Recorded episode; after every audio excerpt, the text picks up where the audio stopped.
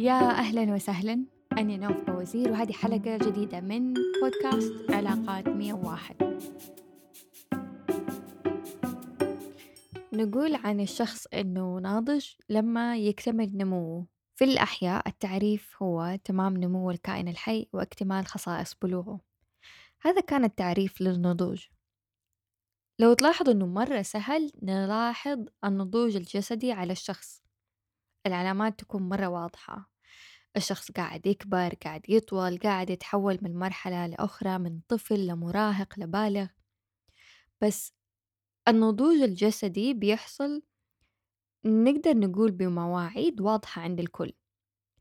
في المقابل في نضج تاني ما هو واضح ما لي موعد ما هو متبع خطة معينة ولا متبع أي مرحلة وده هو النضج العاطفي. فمرة مرة عادي إنه يكون في شخص في الأربعينات بس نضجه العاطفي ممكن يساوي شخص أو طفل بعمر خمسة سنين. والكلام هذا ما بقوله عشان نتريق وإنما هذا واقع بيعيشه كتير. إيش معنى النضج العاطفي؟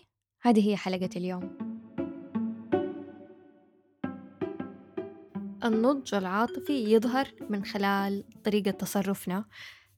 تعايشنا مع نفسنا مع الناس التانية. هتكلم في دي الحلقة عن العلامات اللي تبين إنه عندنا نضج عاطفي وفي المقابل العلامات اللي ممكن تبين عن مناطق نحتاج نشتغل عليها أكتر. ليه بتكلم اليوم عن النضج العاطفي؟ لأنه مرة مهم نكون واعيين على نفسنا على المرحلة اللي إحنا فيها من النضج وكمان على الأشخاص اللي نفكر نرتبط فيهم. أحيانا أحد يدخل في علاقة يكون فيها أحد الطرفين عنده نضج عاطفي بمستوى متقدم جدا جدا جدا ويقابل في الطرف الثاني شخص النضج العاطفي عنده مستوى طفولي أكثر. هنا حيكون في فرق مرة كبير في العلاقة. طب قبل ما أبدأ في العلامات خليني أشرح حاجتين. في ذكاء عاطفي وفي نضج عاطفي. الذكاء العاطفي بيعرفوه على إنه القدرة على فهم المشاعر. سواء هذه كانت مشاعري الخاصة ولا مشاعر الشخص اللي قاعدة أتعامل معه. في المقابل النضج العاطفي معناها أن يكون عندي القدرة أنه بأتعامل مع هذه المشاعر وما أعتمد على الناس التانية وما أتعامل معاها بطريقة سلبية. فكون أنه عندك ذكاء عاطفي مو بالضرورة معناه أنه عندك نضج عاطفي. بس إذا عندك النضج العاطفي فمعناه عندك الذكاء العاطفي. بس اللي نقدر نقول إنه الشخص اللي عنده ذكاء عاطفي فهذه مرحلة أولى ولا أساسية وتوصله في الأخير للنضج العاطفي إذا اشتغل على نفسه. في علامات أو تصرفات عند الأشخاص اللي أقدر أقول عنهم ناضجين عاطفيا. العلامة الأولى التعبير عن النفس. الشخص اللي عنده نضج عاطفي عنده القدرة على أنه بيعبر على نفسه. يعبر عن مشاعره عن وصف الشعور اللي بالضبط قاعد يعدي فيه. يعبر له هو أو هي زعلانة من الشخص التاني. في عنده قدرة على استخدام الكلمات في التعبير. يعبر عنها بأسلوب ناضج أو نقدر نقول عنها أسلوب واعي. بينما الشخص اللي ما عنده نضج عاطفي أسلوبه حيكون غير. فالسؤال هنا اللي تحتاج تسأله نفسك هل أنا أقدر أعبر عن زعلي عن إحباطي والأحاسيس اللي بعدي فيها؟ هل أقدر أخلي الطرف الثاني يفهم علي؟ هل أستخدم أسلوب الهجوم في الكلام؟ إذا كنت أستخدم أسلوب الهجوم ولا أسلوب السلبية العدوانية الباسيف aggressiveness اللي بندق فيها بعض من تحت لتحت هذا ما هو علامات نضج عاطفي وإذا كمان كنت من الناس اللي عندي اعتقاد وإيمان إنه الطرف الثاني لازم يفهم علي من غير ما أتكلم هذا برضو مو علامة نضج عاطفي فالسؤال هو هل عندي القدرة إنه آخذ بيد الطرف الثاني وأعلمه عن نفسي ولا بشوف إنه أي أحد مو راضي يفهمني فهو شخص غبي وما يبغى يفهم؟ نكون أشخاص عندنا نضج عاطفي عالي لما نستوعب إنه ولا أحد ما حد في الحياة مستحيل أحد يفهمنا لو ما استخدمنا كلامنا لو ما عبرنا عن نفسنا وعن اللي في بالنا. نكون أشخاص غير ناضجين لما نتوقع التانيين يفهمونا من غير كلام. وهذه أحيانا أفكار مرة مغلوطة منتشرة عندنا إنه ما أقول أنا ليه زعلانة؟ ما حكذب عليكم أنا كنت من الناس اللي عندها هذا الإيمان إن الناس اللي زعلتني لازم هي تعرف ليه زعلتني من غير ما أنا أقول لها. العلامة الثانية هي ردة الفعل. هل تصرفاتي عبارة عن ردة فعل؟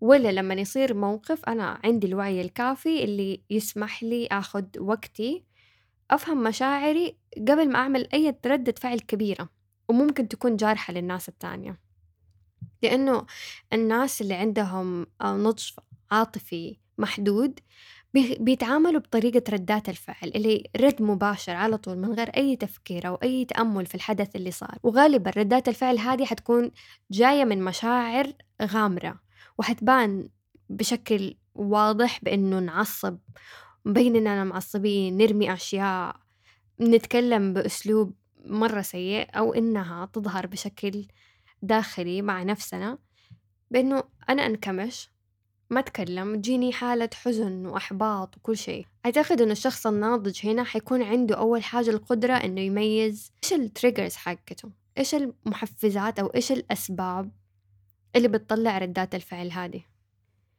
وبعدها حيكون واعي على مشاعره وحيعطي نفسه الوقت عشان تصرفاته ما تكون ردة فعل لأنه ردات الفعل حتكون تصرفات تقودها مشاعر وأي تصرف بتقوده المشاعر معناها أن الوعي غايب فيه. العلامة الثالثة هي حب النفس وقيمة النفسي الشخص اللي عنده نضج عاطفي حيكون عنده مستوى متوازن لحب النفس وقيمته لنفسه حتكون متوازنة. بالتالي هو عنده قدرة عالية على أنه بيصاحب نفسه بيحب نفسه بشكل يومي يقدر يتعايش مع نفسه مرة عادي. فين حب النفس يظهر لما مثلا نشوف أحد ما نعرفه على السوشيال ميديا؟ عنده أشياء من الدنيا إحنا ما عندنا إياها. إذا بدأنا نطالع نفسنا بنظرة شفقة نظرة عدم استحقاق هنا إحنا بعيدين عن حب النفس. حب النفس برضو ممكن يظهر لما يجي أحد يتكلم معانا ويوجه لنا انتقاد. هل ناخذ النقد إنه نقد موجه للشغل اللي بنسويه أو ناخده كنقد لشخصنا ولوجودنا ولكياننا ونبدأ نكره نفسنا؟ طيب هل أنا أقدر أتحاور مع شخص عنده رأي عكسي بهدوء ولا أحس إنه أي رأي مخالف لرأيي هو تهديد لوجودي وإنه أنا لازم أثبت إنه رأيي الصح هل عندي القدرة إنه أكون حقيقي ولا بتخبى ورا أقنعة؟ هذه علامات. كل ما كان عندنا حب عالي وقيمة عالية لنفسنا معناها عندنا نضج عاطفي أعلى. وفي حلقة مخصصة تماما لموضوع حب النفس. إذا ما سمعتوها أقترح أنه تروحوا تسمعوها. النقطة الرابعة هي أنه يكون عندنا قدرة على التكشف. في ناس مرة كتير تخاف إنها تتكشف. ولا to be vulnerable. فالحقيقة أنه عشان نتكشف بهذه الطريقة نحتاج إلى كمية شجاعة. التكشف ممكن أقول عنه إنك تعرض نفسك لشعور أو أذى نفسي. ممكن يكون شعور سلبي بس مؤقت عشان توصل لشيء أكبر. فمثلا حأعطيكم أمثلة تقرب الإحساس هذا. إنه تختار إنك تتقدم لشخص رغم إنه في احتمالية إنه يرفضك إنه يكسر قلبك. بس تسويه عشان أخترت تكون شجاع وتتجاوز المشاعر اللحظية هذه اللي هي اللي مشاعر التردد هذا عشان هدف آخر إنه تكون مع شخص. أو مثلا تختاري تتكلمي مع شريكك بكل صراحة وتقولي إحساسك لما جاكي منه تصرف معين. تقرري تفتحي قلبك تفتحي مشاعرك عشان عندك إيمان إنه شريكك حيتقبلها. وإنه إحنا كلنا بنتشارك هذه المشاعر وإنه عشان العلاقة. تروح مكان أفضل إحنا نحتاج نتجرد ونتكشف عن مشاعرنا. أو مثلا تقرر تظهر نفسك تنشر كتابك ولا تظهر فنك تتكشف للناس بهذه الطريقة. وأنت عارف إنه ممكن ناس ما يعجبهم ممكن يوصلك نقد. بس متأكد إنها خطوة ضرورية عشان تظهر للعالم. الشخص الناضج يعترف إنه التكشف يحتاج شجاعة. ويعترف إنه ممكن يولد مشاعر تعور. بس يقرر إنه يسويه يقرر إنه يكون شجاع ويسويه ويطلع من منطقة الراحة. العلامة الخامسة عند الأشخاص اللي عندهم نضج عاطفي عالي هو إنه هدول الأشخاص عندهم القدرة والتقبل على إنه يبحثوا في الطفولة ويتفكروا فيها. الشخص اللي عنده نضج عاطفي عنده اعتقاد إنه طفولته وحياته في السنين الأولى أهله وماضيه لها تأثير في النسخة البالغة منه. ما يتهرب من دي الفكرة وإنما عنده القدرة على إنه بيربط المواقف والمشاعر اللي عدى فيها في الماضي وما يستخدم الماضي هذه والطفولة دي عشان يبحث عن سبب ومصدر ولوم وإنتو السبب وإنما بيبحث فيهم عشان يتأمل عشان يتفكر عشان يتعلم عن نفسه أكثر عشان يكسر أنماط في تصرفه. وبالتالي يتعامل مع تصرفاته مع أفكاره مع مخاوفه بشكل أفضل. أما الشخص الغير ناضج فهو شخص يرفض تماما ما يبغى يتفكر في طفولته. ويعتقد أنه طفولته ما لها أي تأثير وأنه معتقد تماما أنه حياته مثالية. بس مين مننا حياته مثالية؟ العلامة السادسة الشخص الناضج عنده القدرة على أنه يعترف بالخطأ وعنده القدرة على أنه يعتذر. يمكن أصعب حاجة أنه الواحد يعترف بغلطه. مرة صعب ويحتاج واحد يكون عنده نضج عاطفي عشان يقول أنا غلط أنا غلط في حقك أنا آسف. من غير ما ينكر اللي سواه من غير ما يتهرب من المسؤولية من غير ما يحطها على الشخص التاني من غير ما يتلاعب بالاعتذار. من غير ما برضو يقلب الموضوع محاكمة لنفسه يبدأ يدافع فيها عن نفسه. بس في اللحظة هذه الشخص الناضج حيكون شخص شجاع حيعتذر وحيعطي الشخص التاني اهتمامه وحيعطيه الوقت والمساحة إنه يتقبل الاعتذار. وبنفس الوقت هذا الشخص ما حيكون جلاد على نفسه. طيب إيش العلامات اللي ممكن تقول إنه هذا الشخص ما عنده نضج عاطفي؟ حاعطيكم كم نقطة كده. وممكن تشوفوها في نفسكم أو في أشخاص تانيين حوالينكم. لما نيجي نتكلم عن المشاعر الشخص هذا دايما يضيع المواضيع ما يبغى يتكلم في المشاعر. الشخص هذا يتعامل مع كل حاجة إنها نكتة كل حاجة ضحك كل حاجة تريقة. الجواب الدائم عند هذا الشخص لسؤال كيف حالك؟ خصوصا لما يكون في علاقة بين اثنين علاقة مرة جدية الجواب دائما يكون أنا كويس أنا بخير الحمد لله. دايما بخير دايما كويس. يرفض يكون حقيقي يرفض يكون واقعي يرفض إنه يتكشف. يتجنب إنه يبحث في طفولته. يتجنب إنه يبحث في ماضيه وعنده اعتقاد إنه أهله وطفولته ما لهم أي تأثير عليه. ما عنده القدرة على إظهار مشاعره. وتصرفاته دائما عبارة عن ردات فعل عاطفية. زي ما قلت هذه العلامات ممكن تكون موجودة فينا أو ممكن نشوفها في أشخاص إحنا في علاقة معاهم. بس نحتاج نفهم حاجة. ما حد ينام ويصحى ويصير ناضج عاطفيا. وإنما المهارات هذه بنتعلمها. المهارات هذه نتعلمها بشكل مرة سهل ومرة سريع لو كانت موجودة في محيطنا وإحنا صغار.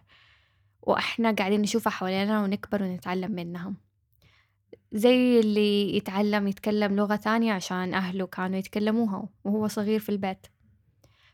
في المقابل في شخص بالغ قاعد يتعلم اللغة وهو كبير والموضوع صعب والموضوع ماخد أقل حاجة يمكن أربع ساعات في اليوم. بس بيحاول ومستمر ولو استمر بعدها بفترة حيبدأ يتكلم اللغة هذه. النقطة اللي أبغى أوصلها بمثال اللغة هذا إنه هذه مهارات نقدر نتعلمها نقدر نركز على نفسنا ونقدر نغيرها. صح يكون أصعب من الشخص اللي متعود عليها وهو صغير الشخص اللي اتولد في بيت تقريبا أفراده ناضجين عاطفيا بين الشخص اللي بعيد كل البعد عن هذه البيئة. صعب بس مو مستحيل.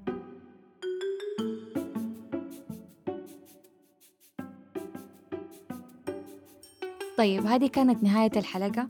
مرة شكرا لكل أحد قاعد يسمع ويدعم البودكاست. وإلين ما ألقاكم في الربوع الجاي انشروا شوية حب ودعم لينا. انشروا البودكاست في كل جروب عندكم وتواصلوا معنا على السوشيال ميديا.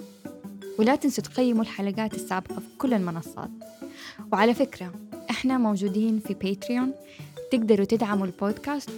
وفي المقابل حتقدروا تطلعوا على مواد إضافية ومواضيع إضافية. وكمان اللقاءات الشهرية اللي قريبا حنطلقها. دعمكم هذا حيساعدنا نغطي تكاليف الإنتاج ويساعد إنه الحلقات هذه تستمر. وصدقوني ما حتندموا.